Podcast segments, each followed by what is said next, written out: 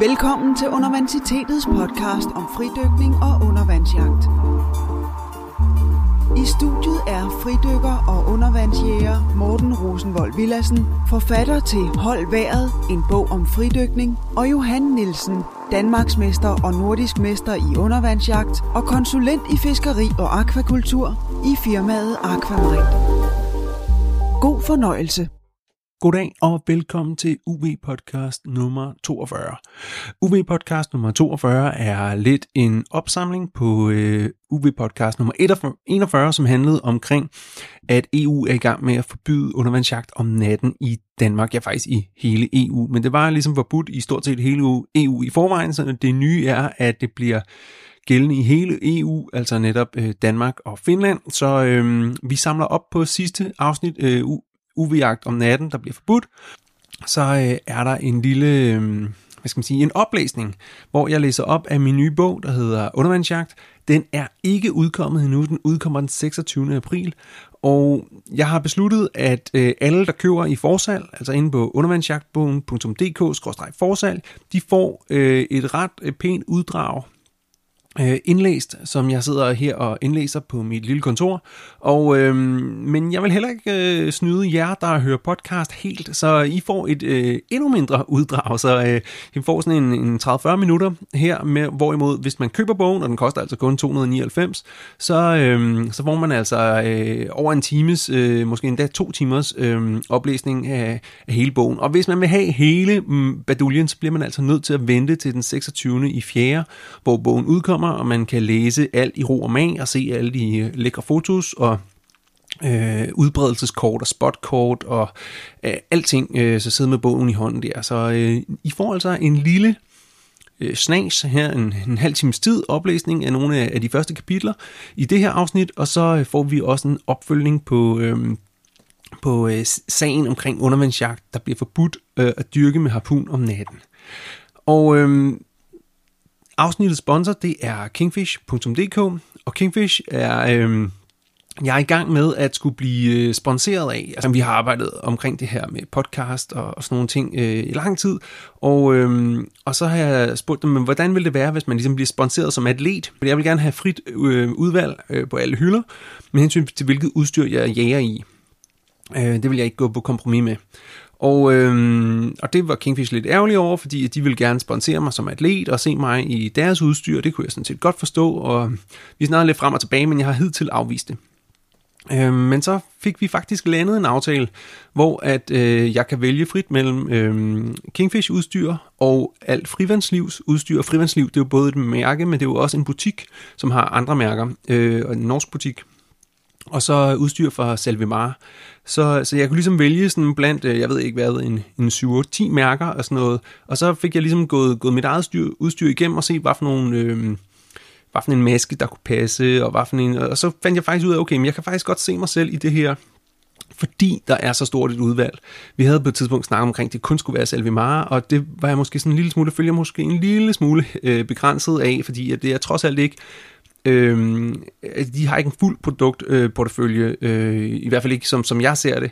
Øhm, jeg mangler en stor svømmebøj blandt andet og så videre. Så, men hvis jeg ligesom gik ind og så sagde, okay, Kingfish, de har spark med et stort udvalg af alt muligt, så kan jeg cherrypick det lækre udstyr fra de forskellige mærker og sammensætte det sæt, som jeg gerne øh, vil jage i, og som ligger meget tæt op af, hvad jeg fortsat øh, i forvejen bruger. Så, øh, så den starter nu her, så de, de næste øh, to år, tror jeg det bliver, der kommer jeg til at, at, at være i udstyr øh, for dem, og det er også vigtigt for mig at få sagt til alle jer, der hører podcast, og alle jer, der ser fotos og videoer og sådan noget, det er, at, at jeg simpelthen øh, har, har indgået en aftale omkring det, så der ligesom er ren linje, så man ved, at når jeg optræder i en dragt øh, fra Frivandsliv, eller fra Kingfish, eller et eller andet, så er det altså en del af en, af en samlet aftale, øh, sådan så at, at folk ved... Øh, Øhm, jamen, hvad de har at gøre med simpelthen, ikke? Så der er ikke noget øh, faret ind under gulvtæppet eller, eller skjult dagsorden eller sådan noget.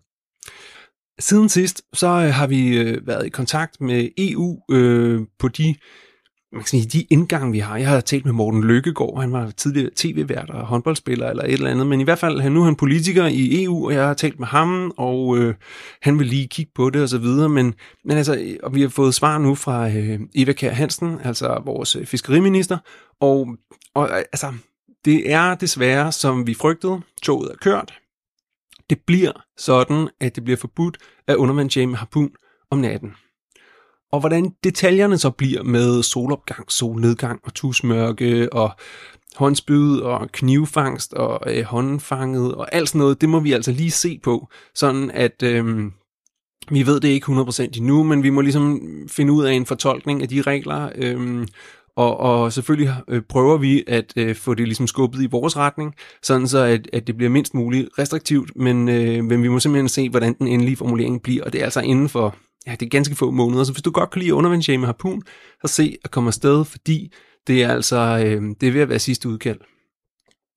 Og jeg kan lige tage fat i, fordi at øh, på vegne af Dansk Sportsdykkerforbund, så henvendte øh, Johan, min marker, øh, sig til, øh, til fiskeriministeren. Og øh, hun skrev så tilbage, tak for din henvendelse på vegne af Dansk Sportsdykkerforbund. Og øh, i kommissionens oprindelige forslag, så var der bla bla bla bla bla bla. Og så er der alt muligt omkring med, hvordan det juridisk nåede hertil. Og så fik vi det jo faktisk pillet ud, og det har hun faktisk også skrevet her. Fordi Danmark har igennem forhandlingerne på EU-niveau om forslaget arbejdet aktivt for, at forbuddet mod undervandsjagt med harpun blev taget ud af forordningen, eller alternativt, at en eventuel beslutning om at fastsætte regler for undervandsjagt blev overladt til det regionale niveau. Og med det regionale niveau, så betyder det altså, at man i hvert medlemsland kan bestemme, øh, hvordan man vil håndhæve øh, den her forordning, eller hvordan man ligesom vil tolke den, eller hvad, om man overhovedet vil bruge den eller ej. Ikke? Øhm, så, så, så, hvad hedder det, så skriver hun så senere, og på den baggrund er det med ærgelse, at jeg har måttet konstatere, at indholdet af de nye tekniske regler vil begrænse mulighederne for undervandsjagt om dagen, samt forbyde undervandsjagt om natten om, når hun siger begrænse muligheder for undervandsjagt om dagen, så er det altså øh, med henblik på, at det vil blive forbudt at undervandsjage med luftflasker. Øhm, og så er det jo det der, altså så går der politik i den herfra, fordi at, så skriver hun, da der er fundet et samlet politisk kompromis om de nye tekniske regler, så vil det desværre ikke være muligt at ændre aftalens indhold for så vidt angår undervandsjagt. Herunder vil det heller ikke være muligt at tillade, at de nærmere regler for undervandsjagt fastsættes regionalt, og det er jo fordi, de har lavet en kæmpe stor aftale, og det her med øhm, undervandsjagt er en mikroskopisk parentes.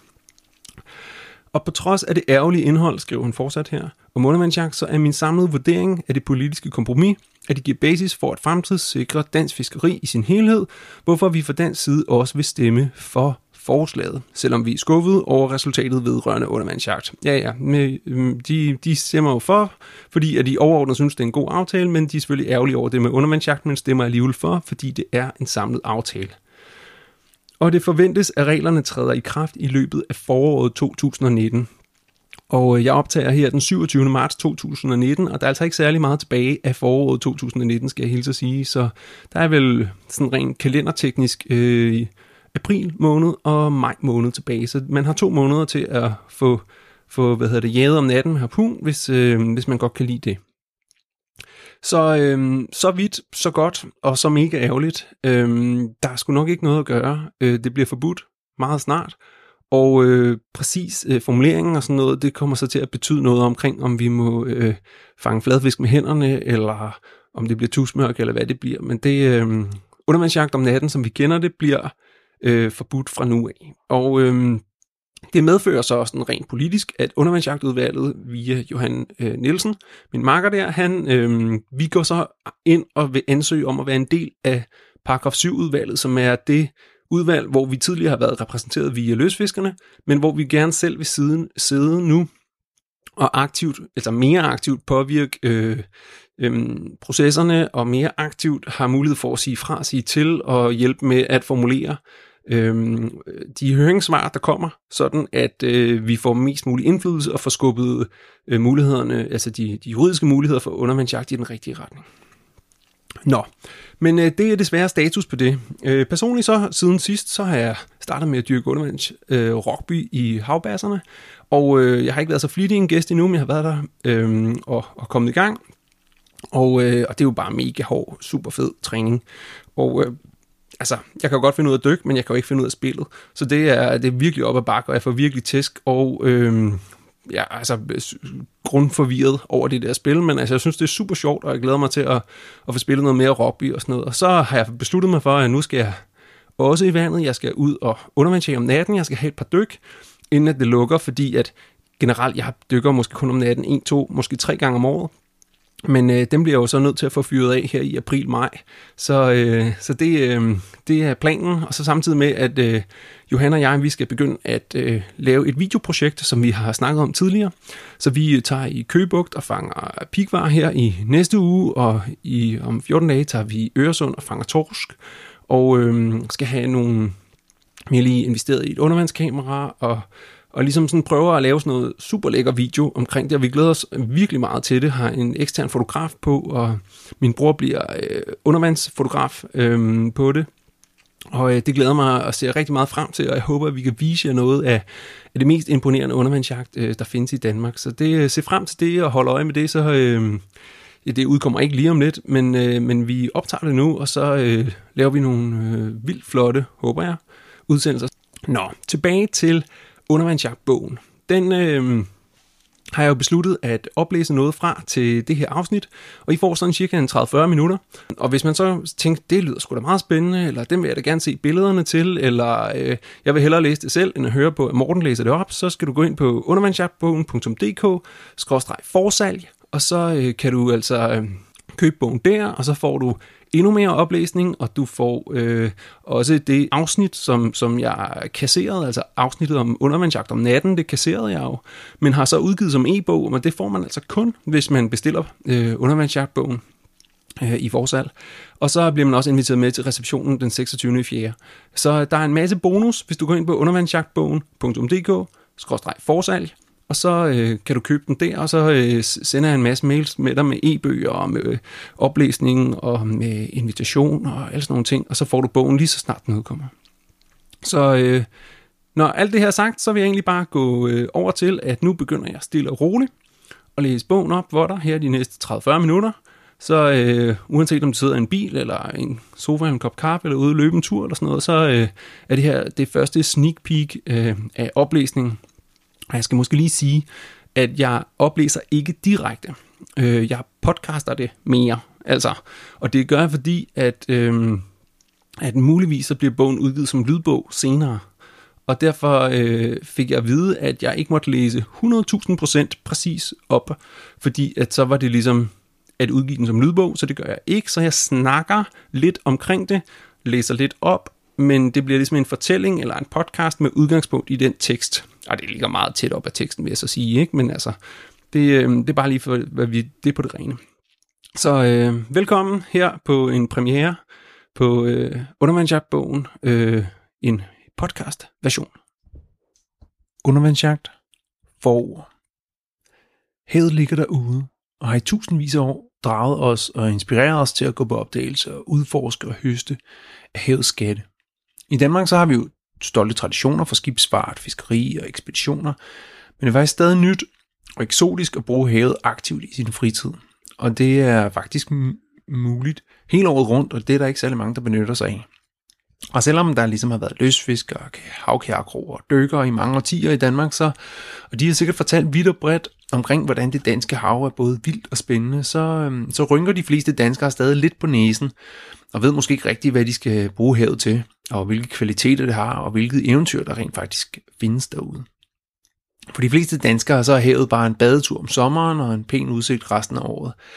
Men det er gradvist og heldigvis ved at ændre sig. Øh, alle danskere har faktisk et kæmpe frirum liggende mindre end en times kørsel i bil fra, fra hvert eneste sted øh, i hele kongeriget.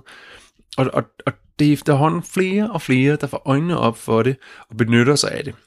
Der er flere og flere, der tager en våddragt på, der er snorkler, der dykker, surfer, roer eller svømmer i de danske farvande. Øhm, og det kan vi glæde os over, fordi at igen, så er vi ved at blive en nation af havmennesker, præcis som vi var det i stenalderen, hvor at øh, danskerne var et folk, eller dem, der boede her, var et folk, der boede kystnært.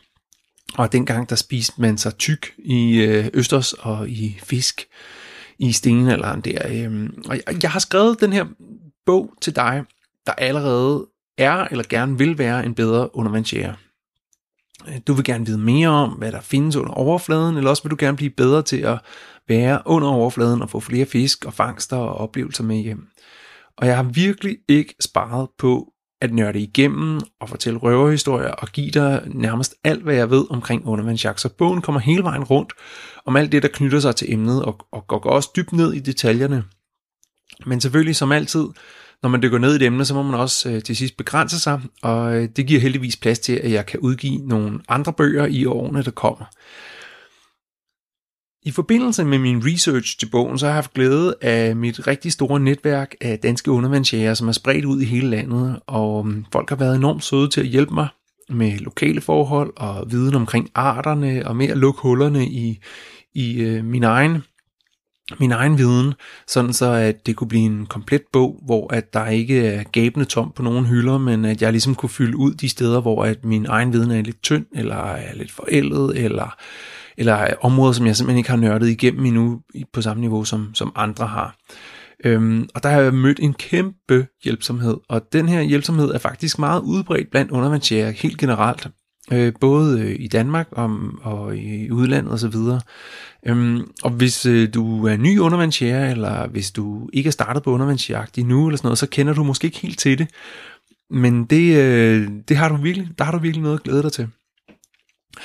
Og jeg tror, at det skyldes, altså det her gode sammenhold, jeg tror, det skyldes, at vi er stadig så relativt få undervandsjæger, og vi er så tilpas passionerede omkring den verden, der findes under vandet, som kun vi kender til. Og det gælder altså både i Danmark og i udlandet, hvor at, øh, der, er, der er simpelthen en umiddelbar forbindelse med mennesker, du møder, hvis du fortæller dem, at du er undervandsjæger, og de også er undervandsjæger. Og det gør, at når man rejser, at så andre forskelle, som der kan være mellem mennesker, altså der, som regel er der jo en stor forskel mellem at være turist eller være lokal.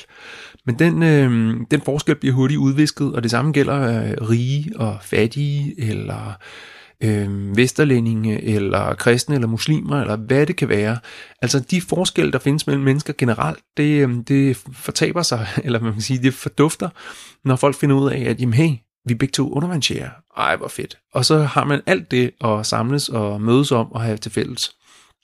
Og, øhm, og det er altså super fedt. Så, så jeg kan kun anbefale at kaste dig ud i at møde andre danske undervandsjæger, men altså også øhm, udenlandske undervandsjæger, så tag dit grej med, når du rejser. Men øh, det vender vi tilbage til. til sidst så skal jeg sige, at undervandsjagt er jo en risikabel aktivitet. Øh, på verdensplan så er der hvert år undervandsjæger, der drukner eller bliver spist af hajer, eller påsejlet af både, eller på anden måde kommer rigtig galt sted. Og øhm, når jeg tager udgangspunkt i min egen dykning i den her bog, så er det altså øh, ikke en opfordring til, at du bare kan gøre, ligesom jeg gør. Altså, du bliver simpelthen nødt til at være forsigtig og tage højde for dine egne forudsætninger og erfaringer, og, og for, for så vidt også din dagsform. Så altid for at dykke med et kæmpe overskud, sådan at du er klar, hvis der skulle gå noget galt. Og hvis du er i tvivl, så øh, vælg det konservative valg og det forsigtige valg. Så, øh, så lever du længst og kan fortælle dine børn og dine børnebørn en masse gode øh, røverhistorier om, at da, da du var øh, undervandsjæger og lavet alle mulige vilde ting, men hvis du ikke overlever det, så bliver der ikke nogen historie at fortælle. Og med de ord, så er forordet for bogen Undervandsjagt øh, færdig, og vi går i gang med kapitlerne. Kapitlet Kom i gang med undervandsjage. Se komme i vandet. Se at komme i vandet. Skal du bare i gang, så kan du nøjes med ganske lidt udstyr. En maske, snorkel, smøbenfødder og måske et håndspyd eller en gren, du bare har snittet. Altså man behøver sådan set ikke mere, så kan du faktisk bare gå i gang med at høste fisk og erfaringer og oplevelser. Og så senere hen, så kan du opgradere med mere udstyr efter behov osv. Men, men til at starte med, så handler det sådan set bare om at få en maske på og komme i vandet. Og fordi første gang man står med et helt sæt udstyr til undervandsjagt, så kan det virkelig være overvældende. Altså, man vender sig hurtigt til at tage udstyret af og på, øhm, når man har gjort det på gange, men, men til at starte med, så er det virkelig overvældende. I øvrigt, når du skal tage dit udstyr på de første gange, så gør det i badet, altså gør det derhjemme i brugsbadet, sådan, så bare lige prøv det en, to gange, alt udstyret af, alt udstyret på, alt udstyret af, alt udstyret på, og selvfølgelig af igen, medmindre du skal ud og, og jage direkte derfra. Men så kommer man i vandet, og efter et par gange, så bliver man ikke så forskrækket længere over tang, eller vandmænd, eller en stor bølge, eller et eller andet. Og lige så stille, så begynder roen at indfinde sig.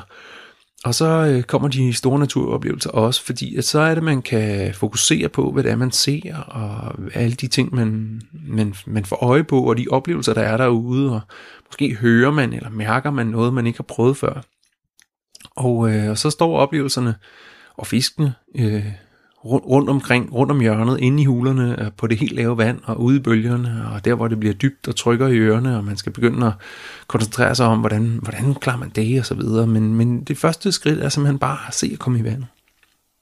Og måske så ser du en, en fisk allerede på din første tur, og det er faktisk ret sandsynligt, hvis, især hvis du føles med en, der er mere erfaren end dig selv, og ved, hvor man skal få øje på en fladfisk, så, øh, så, så kan du få den peget ud, og pludselig ser du den, og ja, sandsynligvis så vil det være en fladfisk eller en skrubbe.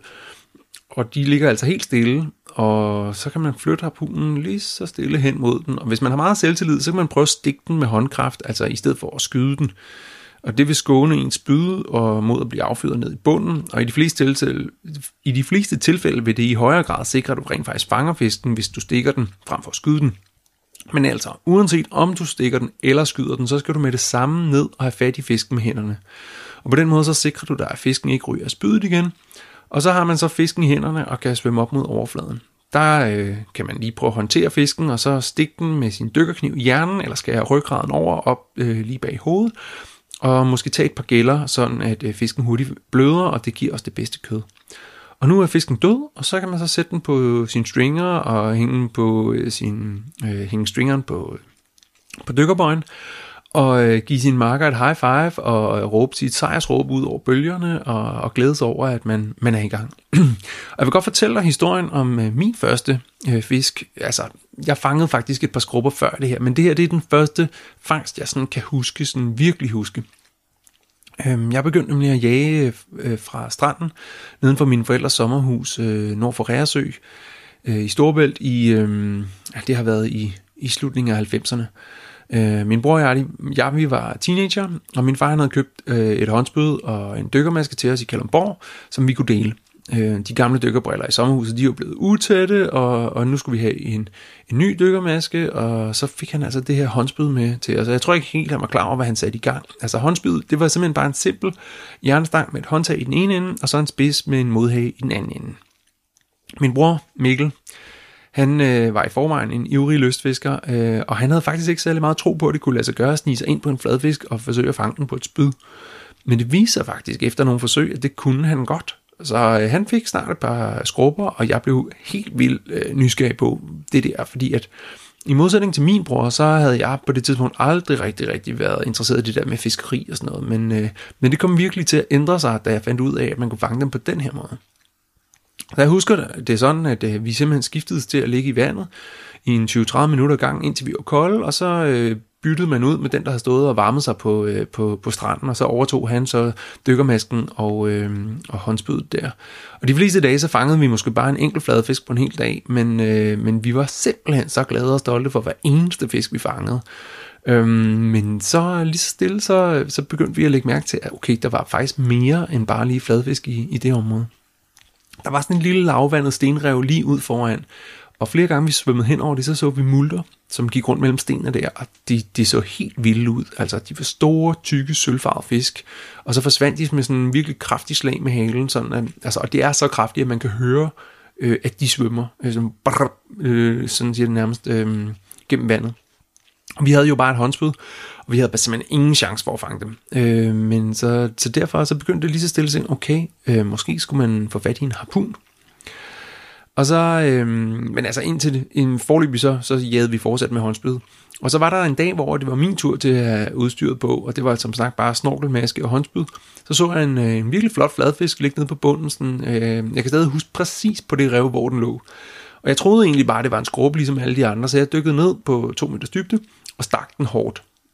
Og øh, så husker jeg det som om, at øh, bunden, altså sandbunden nærmest løftede sig. Fordi fisken viste sig at være noget større end forventet. Og, og jeg kunne faktisk ikke få den op til overfladen. Altså det, det lyder måske helt mærkeligt i dag, ikke? Men, men jeg måtte simpelthen slippe håndspydet øh, på bunden, fordi jeg følte, at jeg ikke kunne få fisken med op. Altså det var som om øh, fisken sugede sig fast til bunden, eller at den simpelthen var tungere eller større, end jeg troede. Så, så, så jeg slap den og gik op i overfladen, og fladfisken begyndte at kæmpe med det der spyd i sig.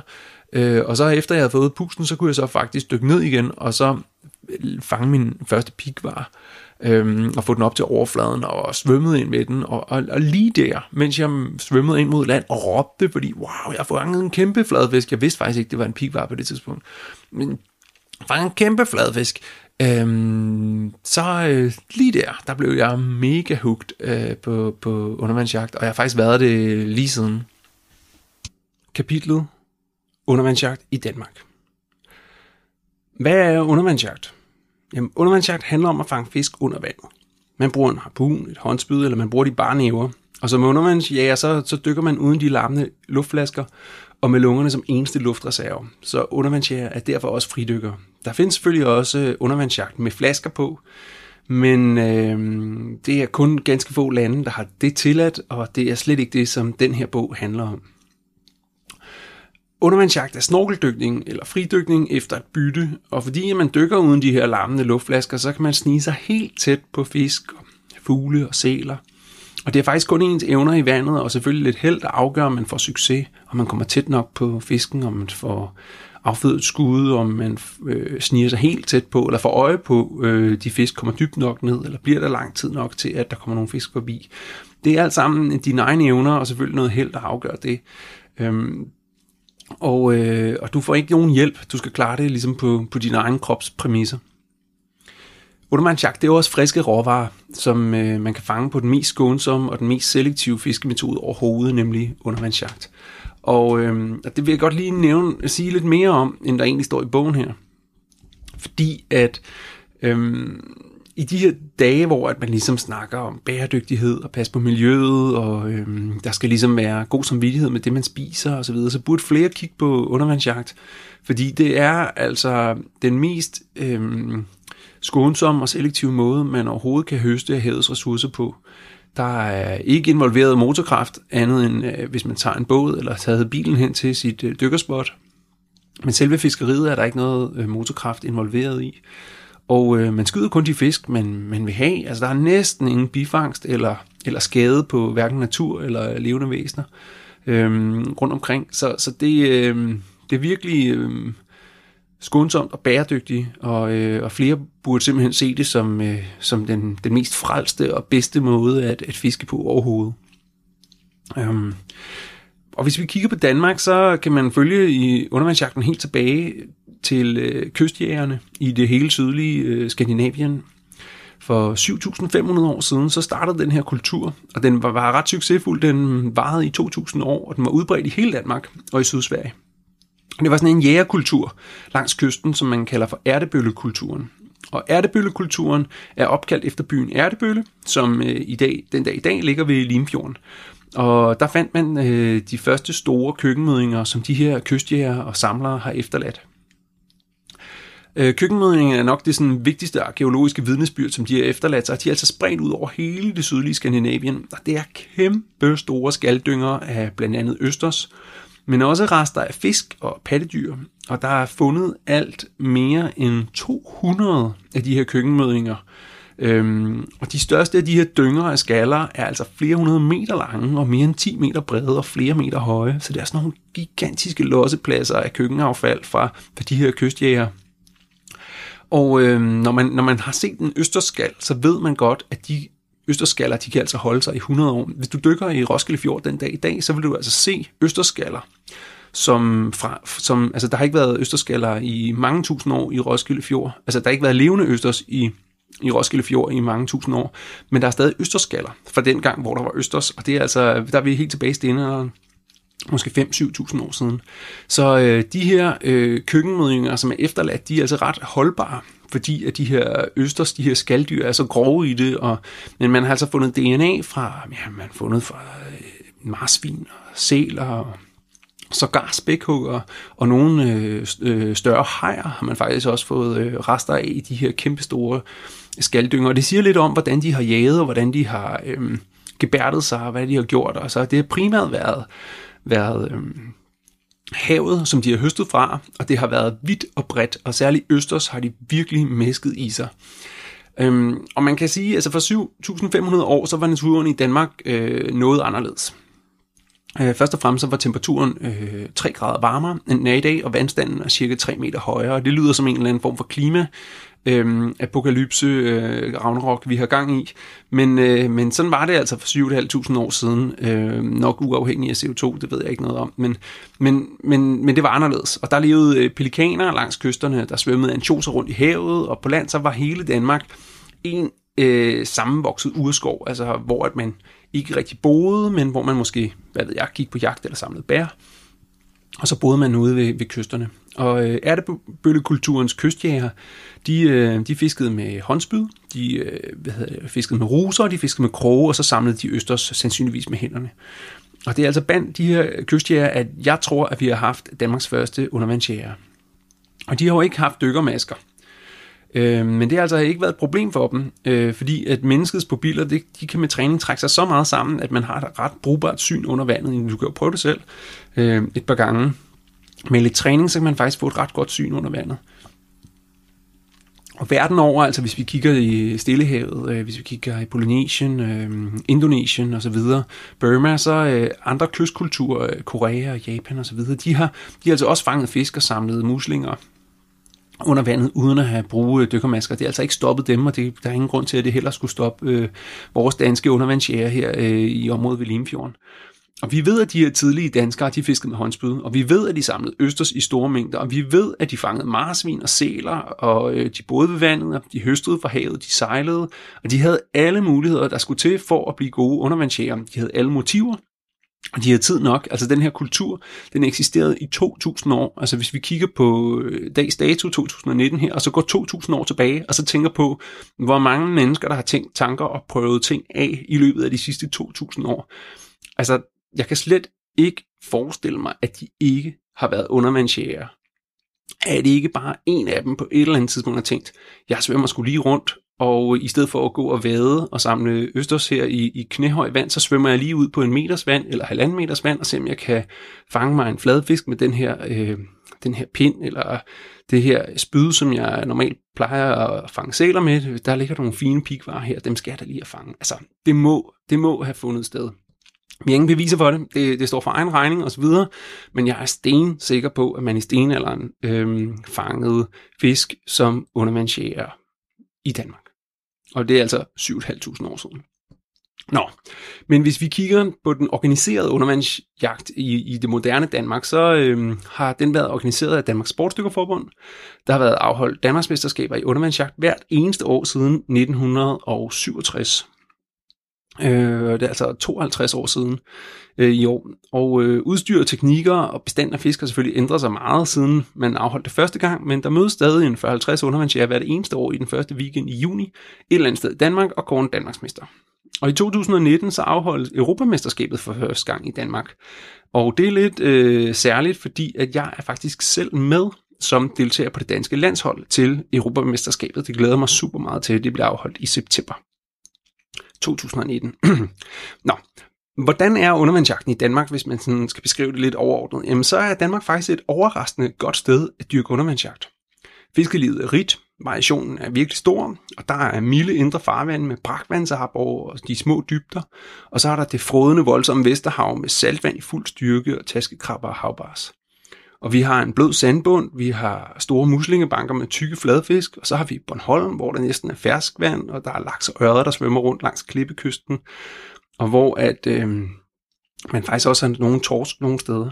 Og der er nogle dybe render ned i vores bælter og sund, og der er kraftige strøm, strømskift, og, så er der, og det er godt for sådan noget som fritsvømmende stimer af øh, hornfisk og makraller og sild og tobis, og så de bliver så jæget igen af lup og, og sej og torsk. Og så er der de her stillestående salte fjorde med hummer og, og øh, østers og ferske åudløb og, og ørder og sådan nogle ting. Og det kunne være Limfjorden, og det kunne være Isefjorden og sådan nogle områder. Og det er altså en meget stor forskellighed i havmiljøer, der er få lande i verden, der ligesom kan, kan matche det, som, som Danmark kan byde på. Og så findes der faktisk ganske mange arter af fisk i de danske farvande, fordi saltholdigheden i havet skifter så meget, og forholdene skifter så meget, så, øh, så er der også forskellige arter, der ligesom kan eksistere der. Så og så er der den fordel, det er en kæmpe fordel, det skal vi virkelig påskynde, at danske kyster alle sammen er offentligt tilgængelige. Og stort set alle steder kan man komme ned til kysten.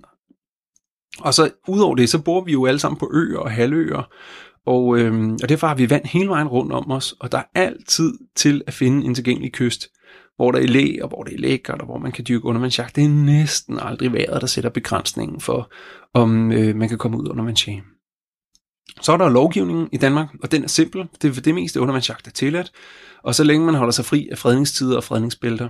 Øhm, fisketegnet, det er billigt, og det er nemt at få fat i. Det kan man købe på fisketegn.dk, og der kan man også se de fleste øh, regler og fredningstider, mindstebål osv., så, videre. så det er et godt sted at orientere sig. fisketegn.dk. Langt de danske, hmm, og langt de fleste danske fisk er gode spisefisk, og lige til at tage med hjem i køkkenet. Øh, og det er altså også noget, der er særligt, hvis vi sammenligner med, med udlandet, at, øh, at, at vi faktisk, altså, det er lige meget hvad for en fisk, du ser, som er større end en hånd, så kan du ja, næsten uden undtagelse med, med, med god samvittighed skyde den og tage den med hjem og spise den. Der er enkelte, der er fredet og truet, men de er så super sjældne. Og øhm, der er ikke nogen, der sådan for alvor smager dårligt eller er giftige eller sådan noget. Altså den eneste, du kan stikke dig på, det er en fjæsing, hvis du ligesom håndterer den forkert eller klodset. Men selv den smager rigtig godt, og hvis man øh, behandler den rigtigt, så, øh, så stikker man sig heller ikke på den. Øhm, og så er der det, at hvis du ikke kan finde fisk, så kan du altid samle muslinger, som vi har mange af. Du kan altid fange krabber, som vi har mange af, og snegle og så videre, og samle tang og sådan noget, hvis man er til den slags. Så, så med hensyn til proteiner og så videre, så kan man næsten garantere, at man kommer hjem med et eller andet spiseligt, når man tager ud og undervandsjage og samle, hvad hedder det, skalddyr ind i, i Danmark, fordi at øh, vores farvande er så rige og har så mange spiselige, gode, øh, lækre arter. Hvis vi nu kigger sådan lidt mere på miljøet under vandet, så øh, fra 1930 og frem til 2010, så blev der desværre øh, drevet et ret intenst og meget omfattende stenfiskeri fra havets bund, og det gjorde man for at sikre nogle store sten til det byggerier af boldværk og havnemoler, men også til fyld øh, til byggerier op på land. Og det betyder, at mange af de store sten, som tidligere udgjorde nogle frodige, huldannende stenrev, de ligger nu som målsten eller nede i nogle fundamenter på land. Og de gamle sten fra stenrevene, de, øh, altså når de ligger som en mole, så skaber de selvfølgelig fortsat levesteder for muslinger, tang og hulefisk. Men øh, når de ligger på land, så er de jo ligesom væk, og øh, det er altså kun dem, der ligger nede i vandet, som, øh, som ligesom, altså halvdelen af de danske moler, de er jo, der er jo lige så mange sten oven, oven vandet som under vandet og så videre, så det er, det er lidt dårligt bytte, at øh, vi har så mange havnemåler, og at vi har så få sten ude i havet. Øhm, og man kan sige, at mange, for tiden så er det ligesom oppe at genetablere mange af de stenrev, og, øh, og det handler ofte om at simpelthen importere store sten fra Norge og Sverige, for at kunne gendanne de steder, hvor der historisk var stenrev. Som ny undervandsjæger i Danmark, så vil man... Øh, den første fisk, man stod på, ofte være en fladfisk. Altså, man finder dem liggende stille på bunden på ganske få meters dybde. Og der ligger de helt beskyttet af deres camouflage. Og de kan være ret svære at opdage, men når man så ser dem, så er de et ret let bytte. Så Danmark er også begyndervenligt, og det er ret normalt, at den første tur i vandet også bliver en succes, hvad han går fangst. Hvis vi kigger på, øh, på havets bund og, og de skibe, der ligger derude, altså vragene, så, øh, så, så er der også lidt en, et, Danmark et særligt sted, hvad det angår. Fordi i mange hundrede år, så har der været en, en livlig skibstrafik i de danske farvande. Vi ligger jo som en prop i Østersøens udmunding, og, og alle nationer, de skal ligesom forbi Danmark, hvis de vil ind eller ud. Og på grund af Danmarks mange øer, så var der i mange århundreder, så var det meget mere udbredt at rejse over vand end over land, når man skulle fra A til B. Og det gælder både med fragt af varer, men også af persontransport. Og øh, dertil så skal lægges en voldsom trafik for øh, vores meget omfattende fiskeri. Altså i dag så er mest øh, fiskeriet ligesom centraliseret på nogle store enheder, nogle store trålere. Øhm, men tidligere var der mange små og mellemstore fiskekutter i hver eneste lille havn i Danmark. Og øh, al den skibstrafik, de skulle jo ud om morgenen og hjem om aftenen, eller hvordan de nu gør. Og, øhm, og al den her skibstrafik frem og tilbage både transperson og fiskeri og så videre, og så har de mange søslag. Øh, alle krigene, vi har været med i, der har fået gået til hav, på havet, det, det gør, at der befinder sig virkelig mange brag på bunden af de danske farvande. Og man kan sige, at et vrag i sig selv er jo ofte et, et, et tragisk skibs, skibsforlis, som medfører ulykke og død for besætningen. Men på havets bund, så skaber selve vraget øh, nyt liv. Altså, det bliver til et kunstigt rev, som ligesom giver base for ny liv, og der er mange fisk, der flytter ind i de huler, der tidligere var et lastrum eller en kahyt, og, og det er altså spændende som undervandsjæger at komme ned og se de her øh, vrag, hvor man tænker, hold da kæft, sikke en besætning, ikke? Altså, der er bare torsk eller øh, andre fisk, der bare svømmer rundt over det hele på det her vrag, ikke? Som om, at, at nu, nu bor de her altså øh, på skibet, og øh, er dem, der ligesom føler sig hjemme her. Og det gør de jo, fordi at at vrag danner huler, og det er det, vi mangler, fordi vi har fisket alle fisk, øh, stenene op og lagt dem på moler og øh, boldværk osv. Så, så, øh, så vrag er ligesom sådan en eller anden form for payback, eller en eller anden form for en lille bitte udligning, øhm, i, i forhold til at, at give noget tilbage af, til, til naturen og havmiljøet og fiskene øhm, fra, fra, fra mennesket, øh, nu hvor vi har taget så meget fra, fra havet. Så øh, er vrag trods alt noget, som ligesom øh, vejer på pluskontoen, selvom det er en, alt i alt er det nok et lille plus, ikke? det må vi nok. Men altså, vrag er spændende, vrag er fantastiske, de er fiskemagneter, og de skaber nyt liv på bunden af havet. Så er der selvfølgelig nogle vrag, der ligger meget dybt og de er uden for rækkevidde for normal undervandsjagt, altså ned til 30 meters dybde. Så, så dybere end 30 meter, der har man stadig rigtig mange vrag, men der er faktisk også ret mange vrag, som ligger på så lavt vand, at selv nybegyndere kan være med. Altså få meter, 2, 3, 5 meter er der vrag over hele Danmark.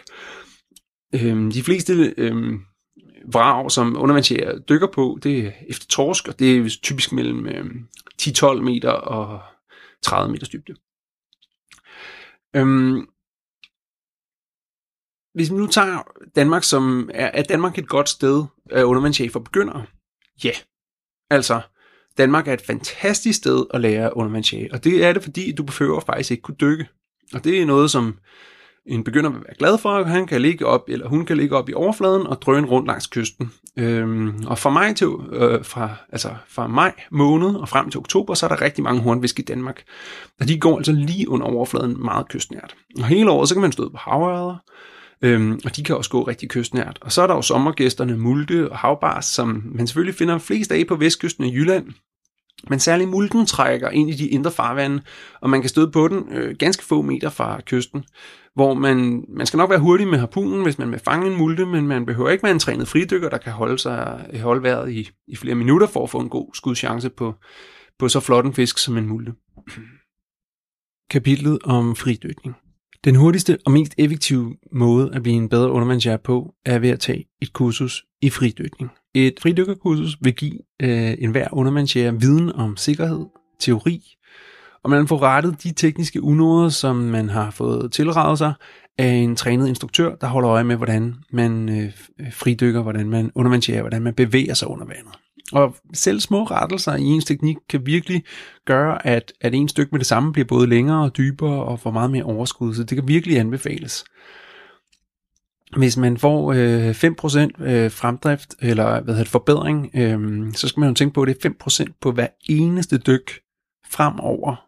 Øhm, så, så det kan virkelig godt øh, svare sig at investere noget tid i teknik, fordi at hvis man bliver par procent bedre der, et par procent bedre der, et par procent bedre der, og sådan noget, så giver det i det store hele, og særligt hvis man kigger over alle de dyk, man kommer til at foretage sig fremover, så giver det altså en gevaldig forbedring, og gør, at man virkelig øh, Øh, får en helt anden form for rækkevidde og overskud, og, og, det, og til med sikkerhed. Ikke? Altså, det, er også, det er også det, som, som det handler om, at når du bliver bedre til at fridykke og bevæge dig under vandet uden at spille energi, så bliver det din dykning simpelthen også mere sikker. Når man trækker vejret, så foregår det ved, at man udvider brystkassen. Og på den måde, så hiver man så luft øh, ned i lungerne. Fra luften, så øh, altså i luften, så er der jo noget ilt. Og ned i lungerne, så vandrer ilten så over i blodbanen. Og den, derfra så transporterer den, transporteres ilten ud til alle kroppens celler. Og øh, ude i cellerne, så øh, er ilten sammen med næringsstofferne, og øh, de forbrændes så, på den måde producerer man energi. Og, og det er en energi, der hedder ATP, og det er den energi, som alle vores celler lever af. Og restproduktet af den her forbrænding, det er så CO2. Øhm, og CO2, det, øh, det vandrer så fra cellerne tilbage ud i blodbanen og tilbage i lungerne. Og så udånder man det. Hver eneste gang vi puster luft ud, så puster vi noget CO2 ud, som vores celler har som affaldsprodukt af, øh, af forbrændt ilt og næring. Og det er det helt normale forløb, når man trækker vejret. Øh, men når man holder vejret, så bruger man jo fortsat ilt ud i cellerne, og derfor bliver der fortsat produceret et restprodukt, nemlig CO2. Men øh, da vi ikke længere øh, trækker vejret, så skiller vi os heller ikke af med CO2. Så derfor, når man holder vejret, bliver der en ophobning af CO2. Så når vi holder vejret, falder iltniveauet, vi forbrænder det, og CO2-niveauet stiger, fordi vi ikke kan komme af med det. Og det fortsætter lige indtil vi begynder at trække vejret igen. Og så sørger vi for at udligne, få en masse ilt ind, når vi trækker vejret, pusse en masse CO2 ud, indtil vi ligesom havner på en eller anden form for, for nulpunkt igen, hvor vi så kan være, øhm, kan være opføres normalt igen og trække vejret normalt, og, og være klar til at dykke igen for den sags skyld også. Øhm, hvad er CO2? Altså CO2, det er, altså vi kender det jo fra hele klimaproblematikken osv., men, men CO2, det er et primært et restprodukt øh, inde i vores krop, i den her sammenhæng, som vi skal skille os af med. Men øh, kroppen bruger CO2 til at regulere vores vejrtrækning og sende signaler til os om, hvornår vi skal trække vejret. Så derfor er vores krop ret sensitiv over for udsving i CO2-niveau, og det er derfor, det føles som mega ubehageligt at holde vejret. Fordi det er en reaktion på det høje niveau af CO2, som kroppen hele tiden forsøger at holde sådan i skarp, øh, øh, altså virkelig være skarp på at holde på samme niveau hele tiden. Så det er altså ikke ubehageligt, øh, når man holder vejret, fordi du er ved at løbe tør for ilt. Men højt CO2 er ubehageligt. Og efter et stykke tid med høj CO2, så giver det dig sammentrækninger i mellemgulvet, og det får dig til at spænde i nakken, og giver dig trang til at spænde i musklerne, det giver dig uro i kroppen, og, altså simpelthen en trang til at trække vejret igen. Men man kan sige, at CO2 det er ikke kun dårligt, er slet ikke dårligt. CO2 har faktisk rigtig mange gode sider, og det er en vigtig rolle, som, øh, som det har, det er, at det spiller, altså en vigtig rolle, som det spiller, det er i forbindelse med dykkerrefleksen. Og dykkerrefleksen, det er øh, en vanvittig fed ting, som, som gør, at mennesker kan holde vejret i overraskende lang tid. Øhm, vi vender tilbage til den lige om lidt, men altså CO2 er en vigtig spiller i forhold til at få dykkerfleksen til at gå i gang simpelthen. Så derfor kan man ikke bare sige, at, øh, at CO2 er dårligt. Øh, tværtimod. Hvis vi nu så fat i hyperventilering, så hænger det lidt sammen med det, fordi hyperventileringen først og fremmest, det er at trække vejret mere, end man har brug for. Altså et par hurtige vejrtrækninger sådan her, før man dykker, det er eksempelvis hyperventilering. Også der er nogen, der siger, at vi trækker bare vejret tre gange.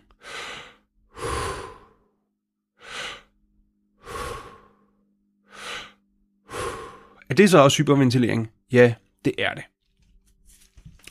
Altså, at trække vejret langsomt, men meget dybt, mens man slapper af, vil også være hyperventilering. Altså hyperventilering kan du ikke sige, Altså, den, den skarpe definition er, hyperventilering er at trække vejret mere, end du har brug for.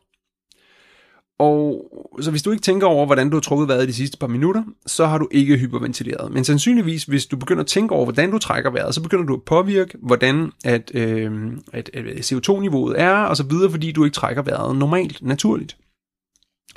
Så hvis du bare slapper af, eller hvad med at tænke over, hvordan du trækker vejret, så hyperventilerer du sandsynligvis ikke. Problemet med hyperventilering, det er, at det sænker niveauet af CO2 i blodet. Og derfor i gamle dage, så var det meget populært at hyperventilere blandt fridykker, fordi det føltes som om, man kunne holde vejret længere tid. Men problemet er, at hyperventilering er en måde at snyde kroppen på.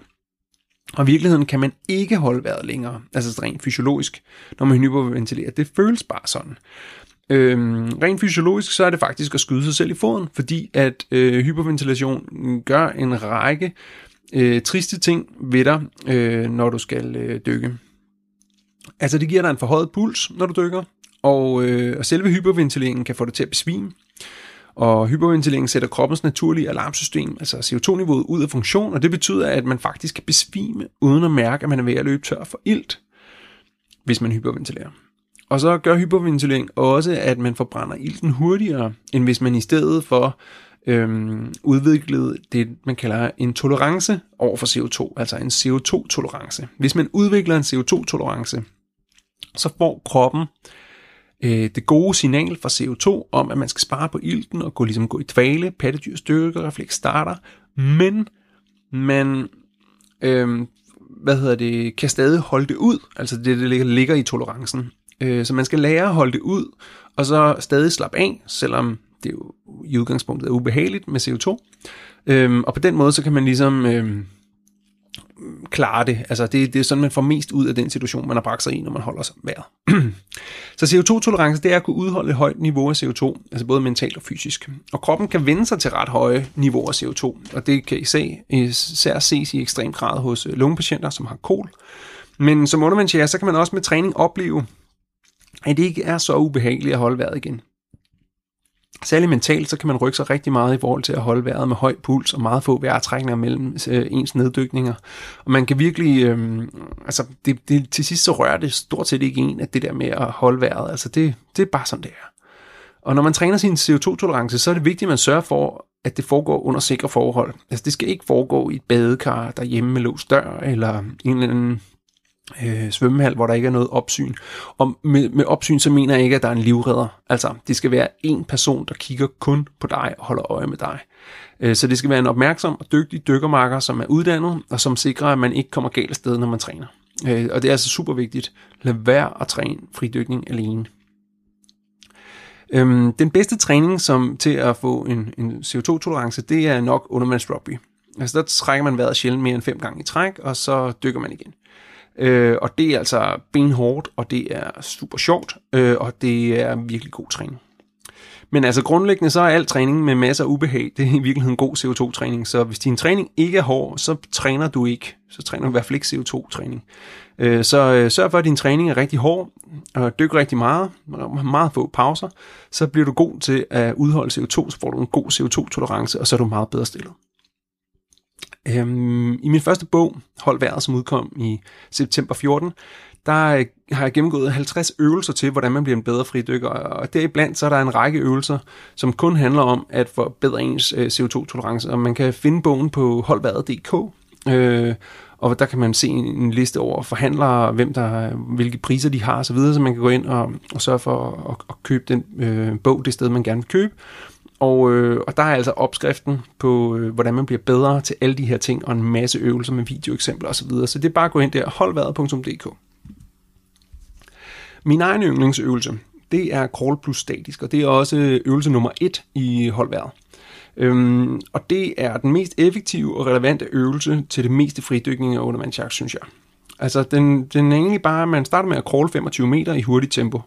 Måske 70-80% af ens maksimale hastighed. Og man må godt trække vejret, mens man crawler de der 25 meter. Men så når man har crawlet 25 meter, så tager man en vejrtrækning og lægger sig i overfladen med ansigtet nedad og slapper af, mens man holder vejret i cirka 30 sekunder. Og så øh, ligger man bare og hviler og slapper af og mærker, hvordan pulsen falder og det gentager man så en 10-20 gange, og så er man trænet. Øvelsen tager omkring et minut per gentagelse, og den styrker både ens kondition, CO2-tolerance evnen til at slappe af på kommando og ens sådan, mentale styrke. Og efter de der 10-20 minutter, hvor man har trænet, så, øh, så, så har man altså virkelig gjort det godt for den dag, og hvis man gør det en, to, tre gange om ugen, så vil det virkelig gøre en dramatisk forskel for dit værholdsniveau. Så hvis du mangler en eller anden quick fix til at holde vejret længere, så start der øh, crawl plus statisk, og sæt 10-20 minutter af, øh, en til tre gange om ugen.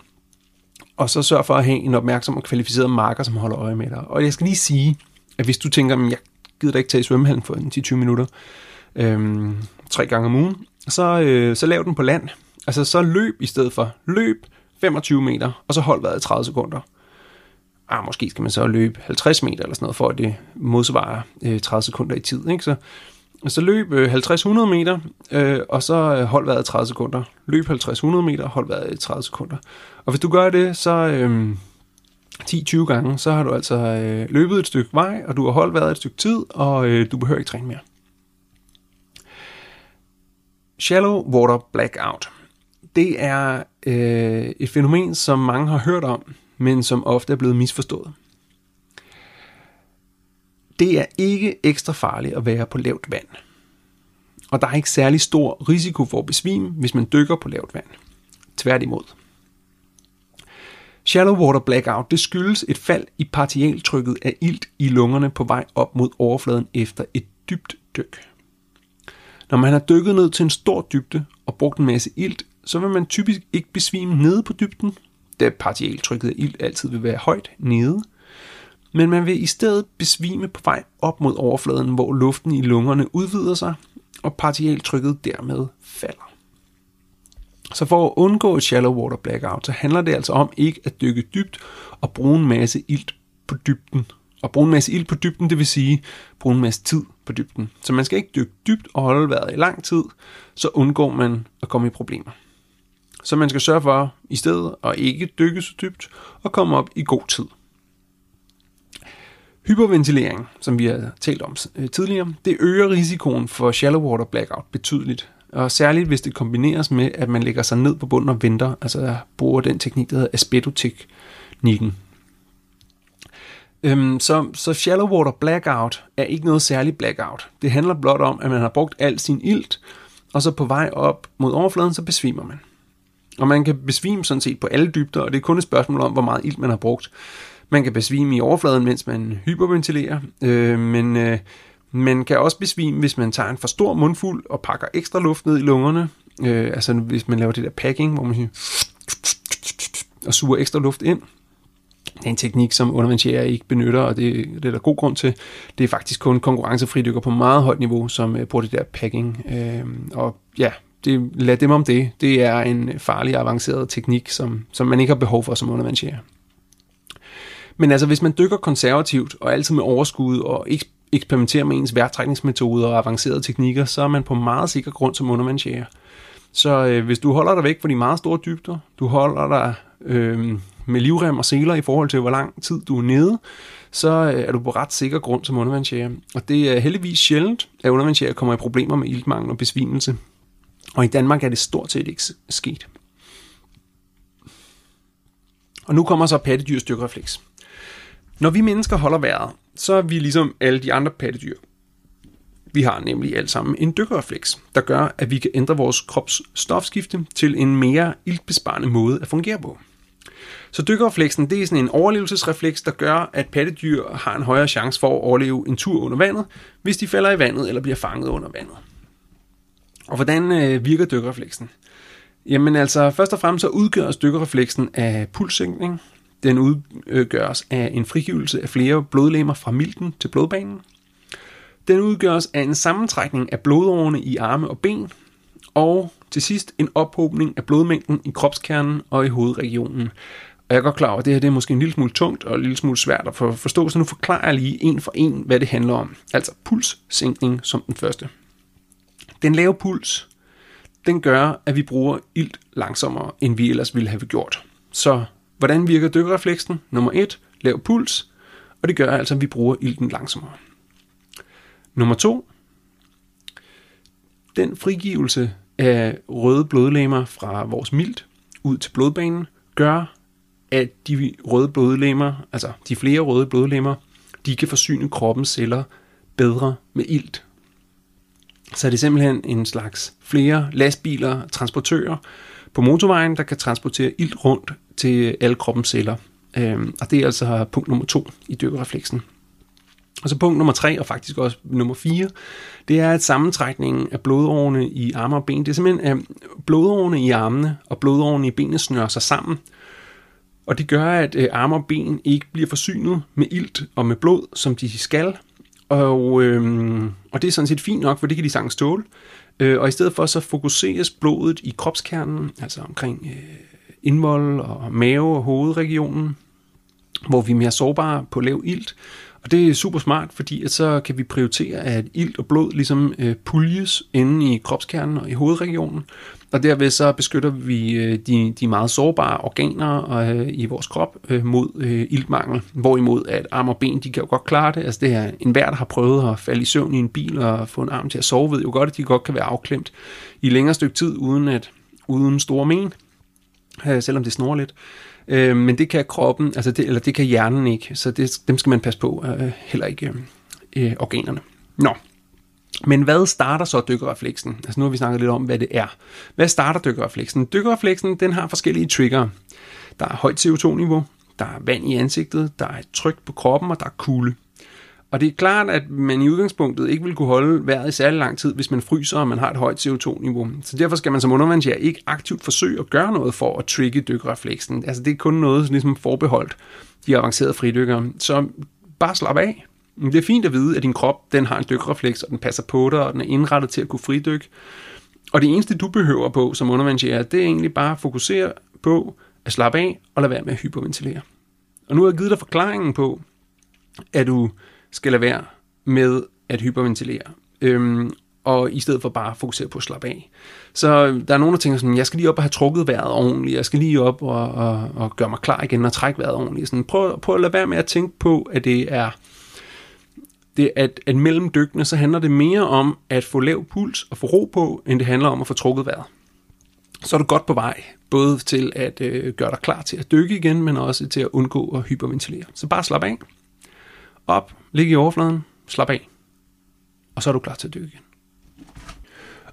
Og det var de kapitler, som jeg havde valgt at indtale her til UV-podcast øh, nummer 42, altså et lille uddrag af bogen Undervandsjagt, og der er mange flere kapitler, der er blandt andet gennemgang af gode spots øh, hele Danmark rundt, der er gennemgang af de mest almindelige arter, hvor og hvornår og hvordan man fanger dem, og øh, hvordan man øh, får det bedste øh, mad ud af den fisk, man fanger, hvordan man finder østers og hjertemuslinger, og blåmuslinger, hummer og krabs og alt muligt lækkert, og så er der øh, en masse afsnit omkring sådan teknik, altså hvordan man bliver en god undervandsjæger, hvordan man træner det, hvilke teknikker, der er hensigtsmæssige at benytte i hvilke situationer, hvordan man dykker dybt, hvordan man holder vejret længere, øh, hvilke små fifs, der kan gøre sådan en 5, 10, 15, 20 procents forskel på, øh, hvor meget energi og overskud man har.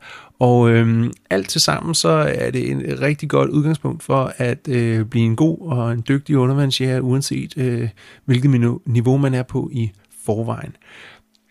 Men det her var så UV-podcast 42 med en update på EU's øh, forbud mod undervandsjagt om natten med harpun og en indlæsning af øh, et lille uddrag af undervandsjagtbogen. Tak for i dag. Tak til sponsor Kingfish. Tak til alle jer, der lyttede derude, og alle jer, der I allerede har bestilt bogen Undervandsjagt. Det glæder mig stort, at I er med, både på podcast, på bog og hele vejen. Jeg håber, vi ses her i de kommende forår og øh, den kommende sæson, der kommer. Det bliver jo nok ikke på et natdyk, men øh, det kan være, at jeg stået på her på kysten et eller andet sted. Tak fordi du lyttede til Universitetets podcast. Husk, at du altid kan læse mere om udsendelsen og se fotos på uvpodcast.dk. Her kan du også høre de andre podcasts og læse artikler om fridykning, snorkling og undervandsjagt.